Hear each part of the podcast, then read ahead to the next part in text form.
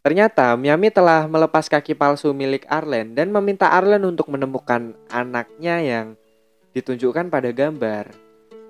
Dan Miami pun mengancam jika Arlen tidak menemukan anaknya, Miami akan membunuh Arlen. Sadis. Oh ya, waktu ditanya apakah Arlen pernah lihat anak pada gambarnya itu, ia berbohong dan berkata tidak pernah. Padahal bahwa anak yang bla skrip gue nggak jelas anjing kejauhan Padahal yang bawa anak itu ke comfort adalah Arlen sendiri gitu. Oh, satu fakta lagi bahwa Miami tak dapat pergi ke comfort karena kaum kanibal dianggap musuh di sana. Ya, jika sudah terpantau oleh tentara di gerbang comfort saja, pasti Miami udah ditembakin gitu. Anjing lagian bukan tentara sih. Masa ada tentara gitu di sana? Gak mungkin lah ya. Ya anggap aja penjaga lah. Ya ya ya ya itulah. Panggil aja tentara gak apa-apa sih. Orang isinya kriminal semua gitu masa ada tentara anjing setelah itu tiba-tiba kanibal negro datang menghampiri mereka berdua yang lagi ada di tengah padang pasir. Kan bukan padang pasir anjing. Di daerah yang sangat gersang yang lepas. Uh, lalu negro itu menawarkan kepada Miami se drijen air. Tahu drijen kan? Ya gitulah yang buat menampung air Dirijen tuh bahasa Indonesia apa bahasa Jawa sih? Ya itulah. Namun syaratnya harus barter dengan memberikan si cewek kepada negro. Eh dan apa manusia nilainya sama kayak air mentah lo anjing. Sudah kuat aku tidak kuat. Saking pintarnya Miami, ia malah memberikan Arlen kepada si negro tersebut. Arlen pun diangkat di bahunya si negro yang jebarnya kayak lapangan. Si negro berbalik badan memungkingi si Miami dan berjalan menuju motornya. Tiba-tiba si Miami melempar pisau ke arah Negro dan tepat mengenai pahanya. Negro pun terjatuh. Belum sempat pria hitam itu berdiri, dengan sekibas mata, anjay, Negro dilempar lagi. Yang kali ini dengan pisau lebih besar gitu. Ya malah kena kenapanya waktu itu gue gua lupa sih. Hmm, intinya dia udah mati gitu. Ini udah tegang nih, gue gue waktu ini agak tegang sih liatnya. Perasaan ya bukan yang bawah. Oke lanjut. Pinter loh by the way si Miami. Setelah itu dia ngambil air mineral dan ditambah motornya si Negro yang tentu aja orangnya kan udah mati gitu. Jadi motornya jadi haknya si Miami.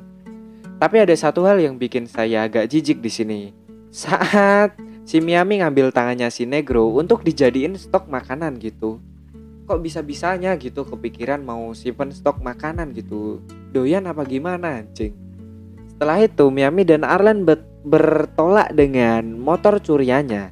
Karena si Arlen kebanyakan minum ia beseran dan minta cariin pom bensin untuk uh, pipis gitu. Ada padahal ini di padang pasir lo dikira piknik apa? Kiri dulu pak mau pipis anjing. Uh, buat sobat yang nonton, udah nggak usah berharap pada adegan dilihatin proses pipisnya ya. Ya karena gue juga nggak nggak tahu bakal gue upload apa enggak gitu visualnya. Siapa tahu gue cuma ngupload konten apa itu namanya audionya doang. Ya udah lanjut aja ya. Lagian konten kita kan konten family friendly. Anjay, apa anda? Eh by the way gue tuh kalau ketawa-ketawa sendiri kayak kayak orang gila loh. Kayak gimana ya monolog terus ketawa sendiri tuh agak susah loh anjing. Apalagi ketawanya udah ditentuin sama skrip gitu. Nah kalau natural gini kan agak gue agak ada lepas-lepasnya gitu. Sedangkan ini gue di depan mata ada ada skrip yang tulisannya tuh kayak gini. Konten kita kan konten family friendly. Uhu hahaha. Gitu gue harus harus baca gimana anjing? Gue praktekin ya konten kita kan? Uh, konten uh, family friendly. Jadi aneh anjing. Oke lanjut. Malam pun tiba. Mereka uh, rehat dulu di rest area. Ya eh, bukan lah ya ya kan udah dibilangin bukan piknik gitu. Ini berdasarkan skrip ya. Waktu gua nulis skrip ini lucu loh. Waktu waktu disuarain kayak agak cringe. Cuman ya gua harus belajar nulis skrip lah kayaknya Oke lanjut. Ya intinya mereka ngadem dulu lah. Di sana pun Arlen dan Miami curhat ceria.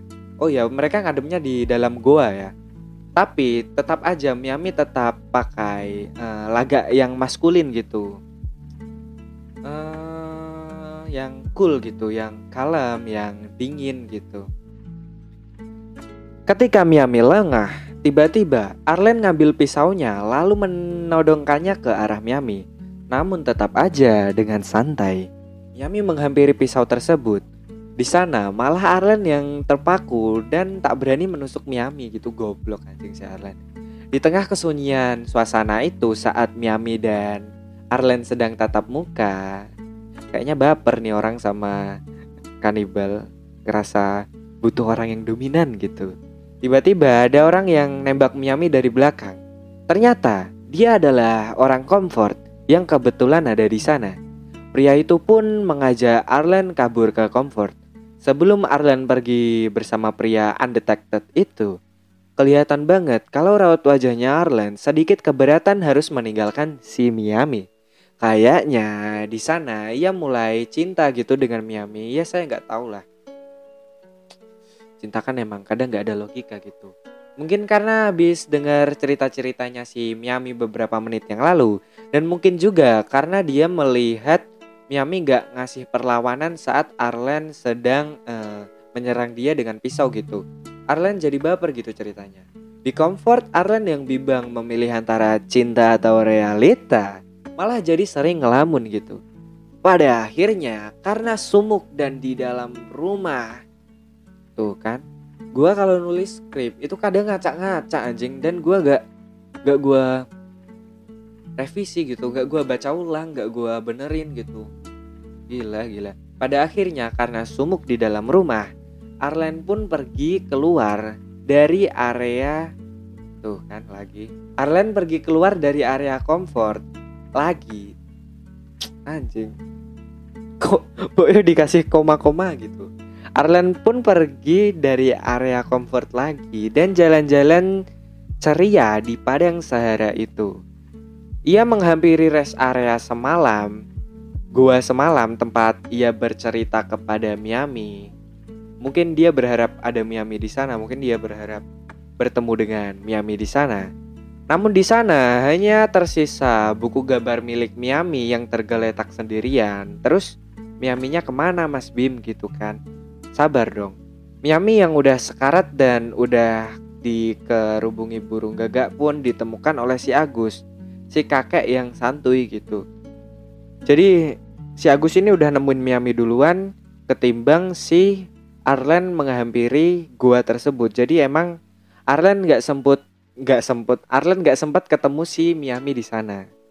Uh, Agus pun meng, eh, meng apa namanya mengevakuasinya mengevakuasi si Miami Agus juga menangkap burung gagak di sana dengan menjebaknya yang yang ya Agus menangkap burung gagak di sana dengan menjebaknya dengan cara uh, pertama-tama dipancing dengan makanan kayak koko crunch gitu makanannya. Tapi kok bisa ya? Tapi itu emang bentuknya kayak koko crunch anjing. Tapi masa gagak makan koko crunch? Jangan-jangan koko crunch adalah Jangan-jangan lanjut lanjut. Setelah terpancing, Agus menangkapnya dengan uh, bajunya supaya tidak notol-notol gitu. Jadi di dibuntel dibuntel pakai kain bajunya. Setelah itu Agus um, memanggang burung gagak tersebut dengan bahan bakar uang anjing gak tuh? Sungguh-sungguh orang yang hidupnya paling damai di dunia ini si Agus udah gila pak. Atau dia itu udah filsuf yang tingkatnya zen anjing. Uang buat bakar-bakar makanan loh anjing. Makanannya burung gagak pula gitu. Ya nggak apa-apa sih selama itu uang sendiri. Asal yang dipakai bukan uang rakyat. Lanjut.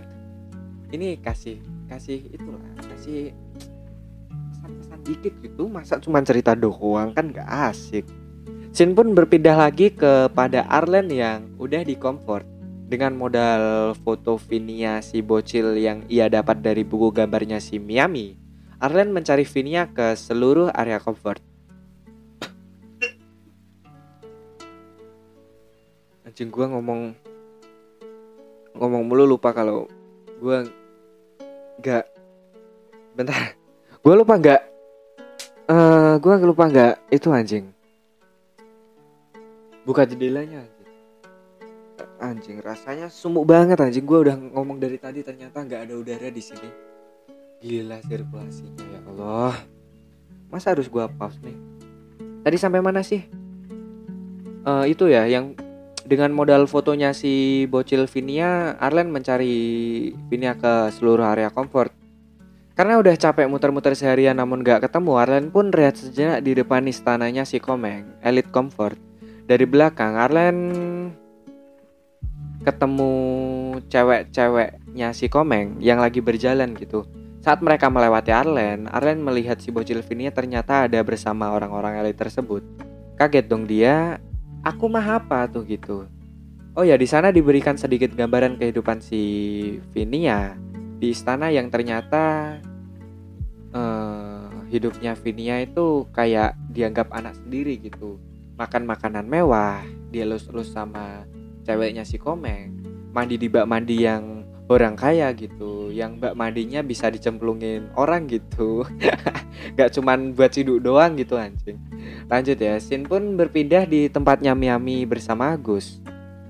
Uh, posisi Miami udah udah sadar nih posisi udah bisa bangun lah bisa melek gitu setelah makan burung gagak mahal bersama Miami Agus pun mengantar Miami menuju motornya saat Agus dan Miami hendak berpisah, Miami berkata bahwa ia tidak tahu apa-apa gitu. Aku tersesat gitu katanya. Sepertinya di sana Miami mulai kehilangan arah gitu.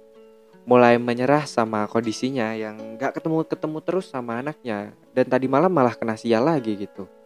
Dengan kalem, si Agus berjalan menghampiri Miami. Lalu memberikan sebuah benda dari genggamannya kepada si Miami. Saya pikir Agus ingin memberikan sebuah tanda semangat dengan memberikan sesuatu gitu.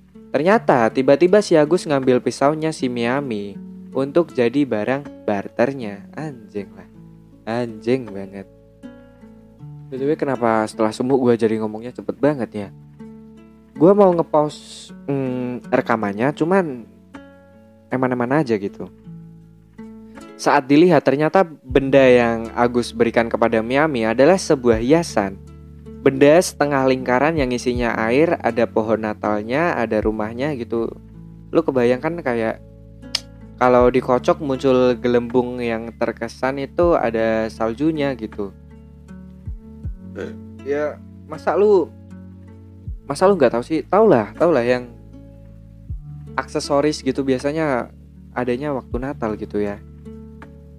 Setengah bola terus bentuknya kaca. Ya gitulah kan tadi udah gue jelasin. Lagian saya nggak tahu loh ini jalan pikirannya si Agus kayak anjing orang si Miami lagi kehilangan arah loh kayaknya si Agus uh, ngasih pesan tersirat nih yang nggak bisa gue baca nih lanjut di Comfort, si Arlen pun memberanikan diri memasuki istananya si Komeng dengan izin tentunya. Di sana dapat kita lihat bahwa isinya cuman cewek-cewek hamil yang ternyata si Komeng ini adalah agen anak gitu anjing. Penebar benih, muncrat sana, eh, muncrat sini, bangsat bangsat. Saya juga heran gitu, kok bisa pada mau dihamilin gitu. Terlihat juga di sana banyak obat-obatan lengkap dengan kebun tumbuhan, bahan baku dari obat-obatan tersebut.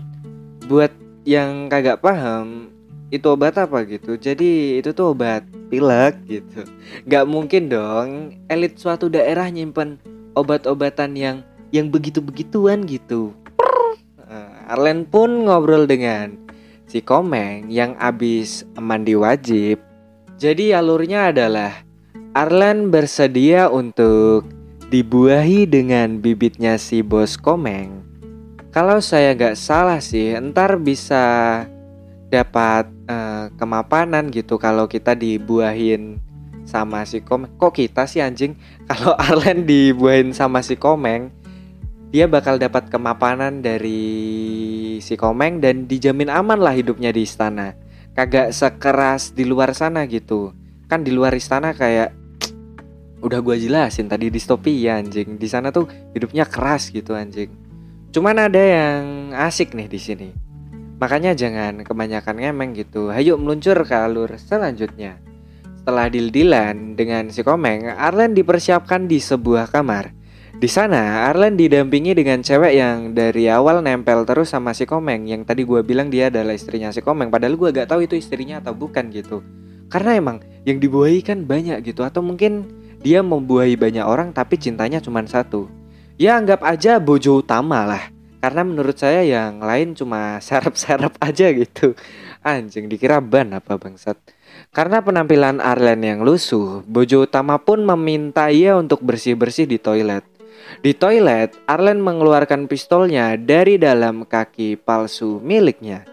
Saat proses mengeluarkan pistol, ternyata senga tanpa sengaja Arlen menjatuhkannya di lantai. Yang tentu aja itu akan mengeluarkan bunyi kletuk gitu ya. Setelah itu, bojo utama menggedok pintunya, mengetok pintunya si Arlen untuk make sure semua aman gitu. Saat Arlen membuka pintunya, ia langsung menodongkan pistol tersebut. Saat Arlen membuka pintunya, ia langsung menodongkan pistol tersebut ke arah perutnya si bojo utama yang lagi hamil gitu, lagi hamil besar. Proses negosiasi pun berlangsung. Arlen membawa Vinia si bocil dan si bojo utama ke luar gerbang comfort. Saat udah di luar gerbang comfort dan dirasa keadaan sudah cukup aman, Arlen pun melepas si bojo utama dan pergi bersama si Vinia Cilbu. Cilbu apa anjing? Gua nulis skrip Cilbu. Cah masa? Cilbu. Oh, Cilbu tuh bocil anjing dibalik Cilbu Cilbu. Dalam perjalanan mencari tempat baru tanpa disengaja, mereka bertemu Miami yang masih hidup gitu. Vinia pun memeluk sang papa. Karena dirasa urusan dengan Arlen udah usai, Miami pun memutuskan untuk pergi. Saat si Miami hendak pergi, si Arlen malah ngajak si kanibal buat nongki-nongki dulu di kafe Bang Cuing. Namun Miami menolak karena ia merasa urusannya udah selesai. Kini anaknya udah bertemu, udah ketemu. Ia juga bilang, "Kamu pikir aku siapa, anjing? Aku kanibal loh, cok." gitu. Anjing. Miami pun menyuruh si Arlen buat balik ke Comfort. Namun tentu aja Arlen udah tidak dapat diterima di sana karena baru aja nodongin pistol ke bibitnya si Elite Comfort. Miami pun uh, ngegas sampai sambil berkata, Trang tang tang tang tang tang tang tang tang anjing apa anda anjing gua gua makin sinting anjing gua gua gak gua gak nyangka kalau gua nulis skrip kayak gitu gitu loh. Gue nulis skrip ini kayaknya dua dua minggu lalu anjing. Teng teng teng teng teng lo gue tulis lo ini waktu waktu gue nulis kayaknya nggak sadar deh kalau kalau bacanya itu nggak segampang waktu nulis gitu anjing. Ya allah teng teng teng teng teng lo ngegas teng teng teng teng teng lo dikira ranking apa anjing bangsat uh, oke okay, kita serius dia berkata tempat ini penuh kematian. Miami berkata bahwa tempat ini penuh kematian gitu. Namun Arlen menjawab bahwa ia suka di sini. Miami pun membalas dengan pertanyaan, "Di sini di mana?" Di sini tidak ada apa-apa anjing gitu. Karena di sini emang kan udah dijelasin ya tadi di sini tuh cuman tempat luas yang isinya eh, kegersangan gitu. Ya wilayahnya cuman ada comfort sama si tempatnya kanibal yang jaraknya jauh gitu. Arlen pun menggenggam tangan si Miami dengan spontan gitu. Kuwendel banget, nggak takut dimakan tuh anjing. Belum sempat mereka berbagi liur kayak di film-film kebanyakan gitu. Penonton pun dibuat lupa bahwa di bawah ada bocil yang lagi liatin. Ada. Ganggu aja, chill chill. Eh malah si bocil ngelepasin gadengannya mereka. Bocil pun didorong pelan-pelan buat minggir gitu. Ah, lu, di sini lucu loh anjing kayak diusir tapi lembut gitu. Tiba-tiba si bocil minta beliin spaghetti karena lapar. Tentu aja si bocil ini udah tahu ada makanan yang lebih enak ketimbang sate manusia. Uh, Miami pun ngelihatin si Arlen. Di sini penonton dibuat berasumsi dikit-dikit. Apakah Arlen akan jadi makanan si Miami dan anaknya? Atau Miami pun mer uh, apa gitu? Atau Miami pun punya rasa dengan Arlen sehingga tak diambil dagingnya gitu. Namun pada akhirnya Xiaomi Xiaomi dong. Namun pada akhirnya si Miami mengambil kelinci kesayangannya Vinia untuk menjadi menu makan pada siang itu. Kasihan anjing si bocil. Makan peliharanya sendiri dong. Bad batch keras emang. Mereka pun makan bersama dan hidup bahagia. Ending yang sangat membak. Eh jangan, itu punyanya siapa yuk? nggak usah dipakai ya punya orang loh nanti kena copyright anjing diklaim padahal kagak ada duitnya gitu kan serem anjing ya udah ya mungkin segitu aja dulu. Diingatkan lagi bahwa ini adalah cerita film jadi bukan sekedar merangkum tapi menceritakan. Jadi ya buat anda-anda yang di rumah bisa diselingin sambil rebahan atau nyapu atau ngopi uh, atau apa aja gitu. Ya by the way kalau konsepnya saya berdurasi agak panjang-panjang gitu. Gue ngomong apa anjing emang emang gue kalau nulis skrip agak bangsat emang gak mikirin kalau bacanya susah anjing harusnya lain kali kalau gue nulis skrip hmm, apa ya harus diselingi sambil pelantunan gaya bicaranya gitu kalau enggak kan ya lah ngomong di pikiran lebih gampang anjing timbang pakai mulut.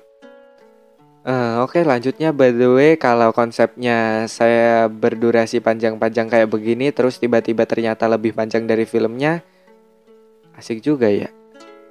Hahaha. Aduh gue baca skrip lo anjing. Susah banget ada. Hahaha. Tai bacanya gimana bangsat? Ya udahlah ya gitu doang. I love you. I have no closing. Jangan lupa follow Instagram saya Bima VRN tapi Instagram saya jarang online. Atau Twitter saya juga Bima VRN. Sekian dari saya. Gue udah bilang I have no closing. Dah. Udah kan gitu doang. Ya udah ya. By the way. By the way. By the way. Gak apa-apa. Gue gua lagi memikirkan apakah podcast pertama gue lancar atau enggak gitu. Ya semoga aja lancar. Ya kalian selamat istirahat ya. Jangan kangen. Gue nggak ngebayangin waktu ngedengerin podcast gue apakah gue ngomongnya lancar atau terbata-bata. Soalnya ini emang yang nulis narasi agak anjing. Gue sendiri bangsat. Eh ngomong-ngomong kalau gue ngomong pelan kayak tadi kedengaran gak ya? Ke ASMR gitu ya? Udah lanjut, udah lanjut lah kan gue gue masih terbata-bata, masih terbata-bata. Oke udah ya lanjut. Kok lanjut sih kan udah selesai. Oke udah ya selesai. Sekian terima kasih. Dah. Tadi udah ngomong dah lu padahal.